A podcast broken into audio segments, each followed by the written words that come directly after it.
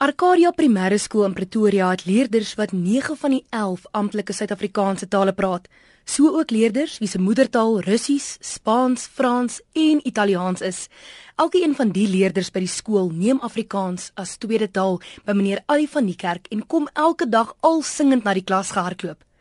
Annelie van Rooyen het ook 'n draai by die skool kom maak om te hoor hoe die leerders uit volle bors haar treffer Ek lewe sing. Afrikaans is beslis groot.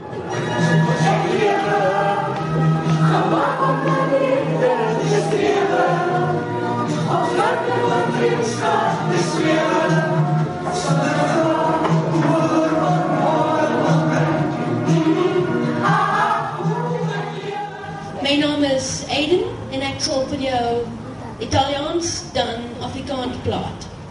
La nostra scuola da due del centro di Calcalo internet e ogni casa e a televisore. Ogni insegnante ha un computer portatile e un tablet. Nou ek sal dit in Afrikaans sê.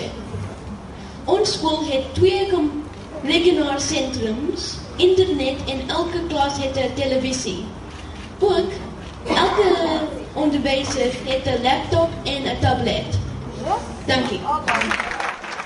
Meneer van die kerk, ons het nou die ongelooflike geleentheid bygewoon en die kinders het so mooi gesing. Hulle het vir Annelie van Rooyen ontmoet. Vertel my waar dit alles begin, hoe die skool besluit om Afrikaans as addisionele taal aan te bied. Dit is nog altyd van die begin af so. Die hoofrede is dat hierdie kinders gaan boys high en girls high toe.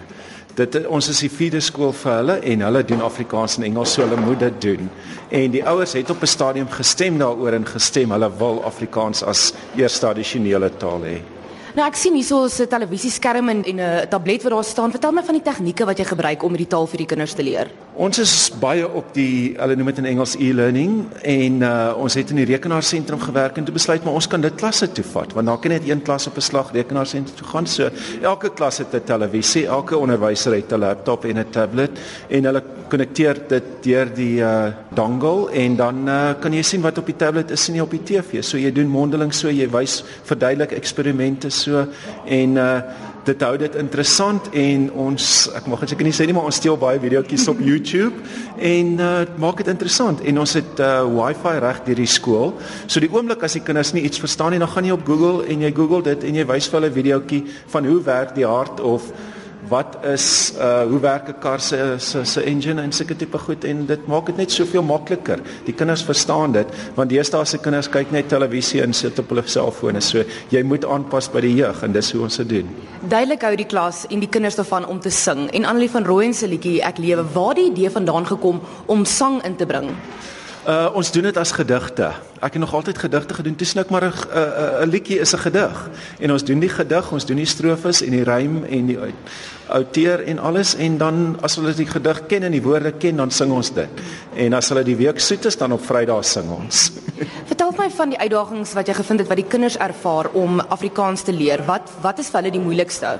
Dit is maar hulle derde taal. Meeste van hulle het 'n tuistaal wat nie Engels is nie en dan is Engels hulle tweede taal, is hulle derde taal. So dis vir hulle baie moeilik. So dis vir ons moeilik om nog by Engels 'n ander taal te leer, maar as jy dit interessant maak en jy het pret in die klas, dan geniet hulle dit.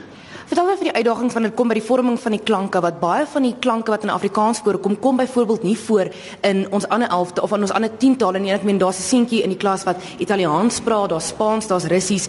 Hoe hoe betree hulle daai daai uitdagings?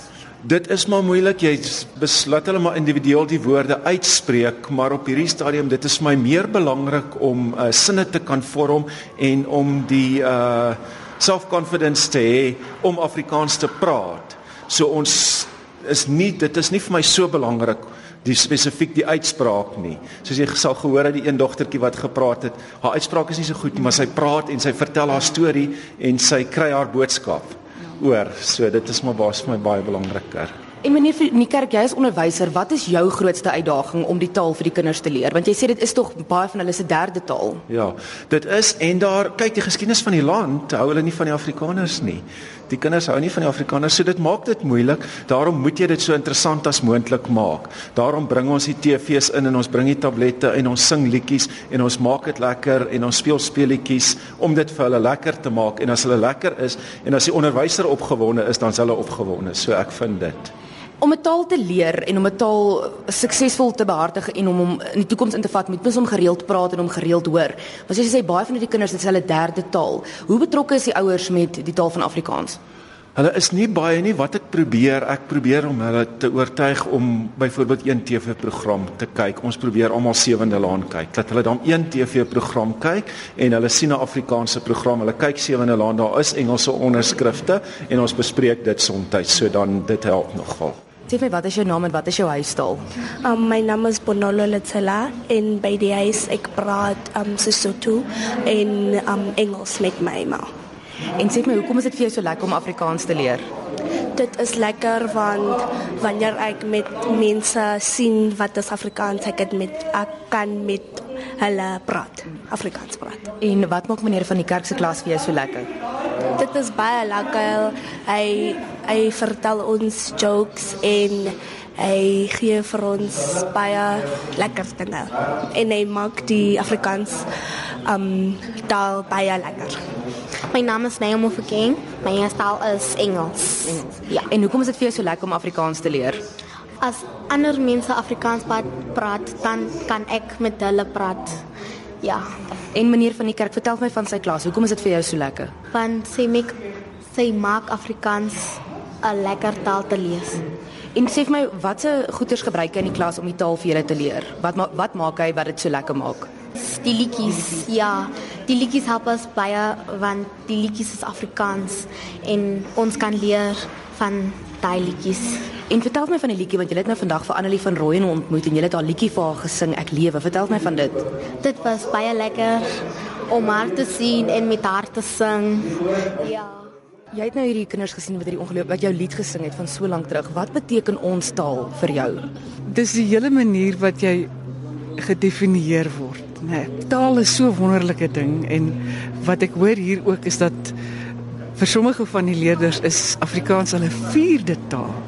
Van moedertaal na Engels, na Frans byvoorbeeld en dan na Afrikaans. En om daai hele grondslag te hê van die maniere waarop taal dinge sien dis hoe ons die wêreld sien, net deur deur middel van hoe jy dit kan omskryf. Nou Afrikaans, ag, jy kan enige ding sê. Jy kan enige ding beleef en as jy mooi dink, kan jy enige ding tot uitdrukking bring in Afrikaans. Ek is so dankbaar dat hierdie jong mense, hierdie klein goed 'n manier kry om ook 'n verbintenis met ons die wêreld in te stuur. Och, dit is aangrypend.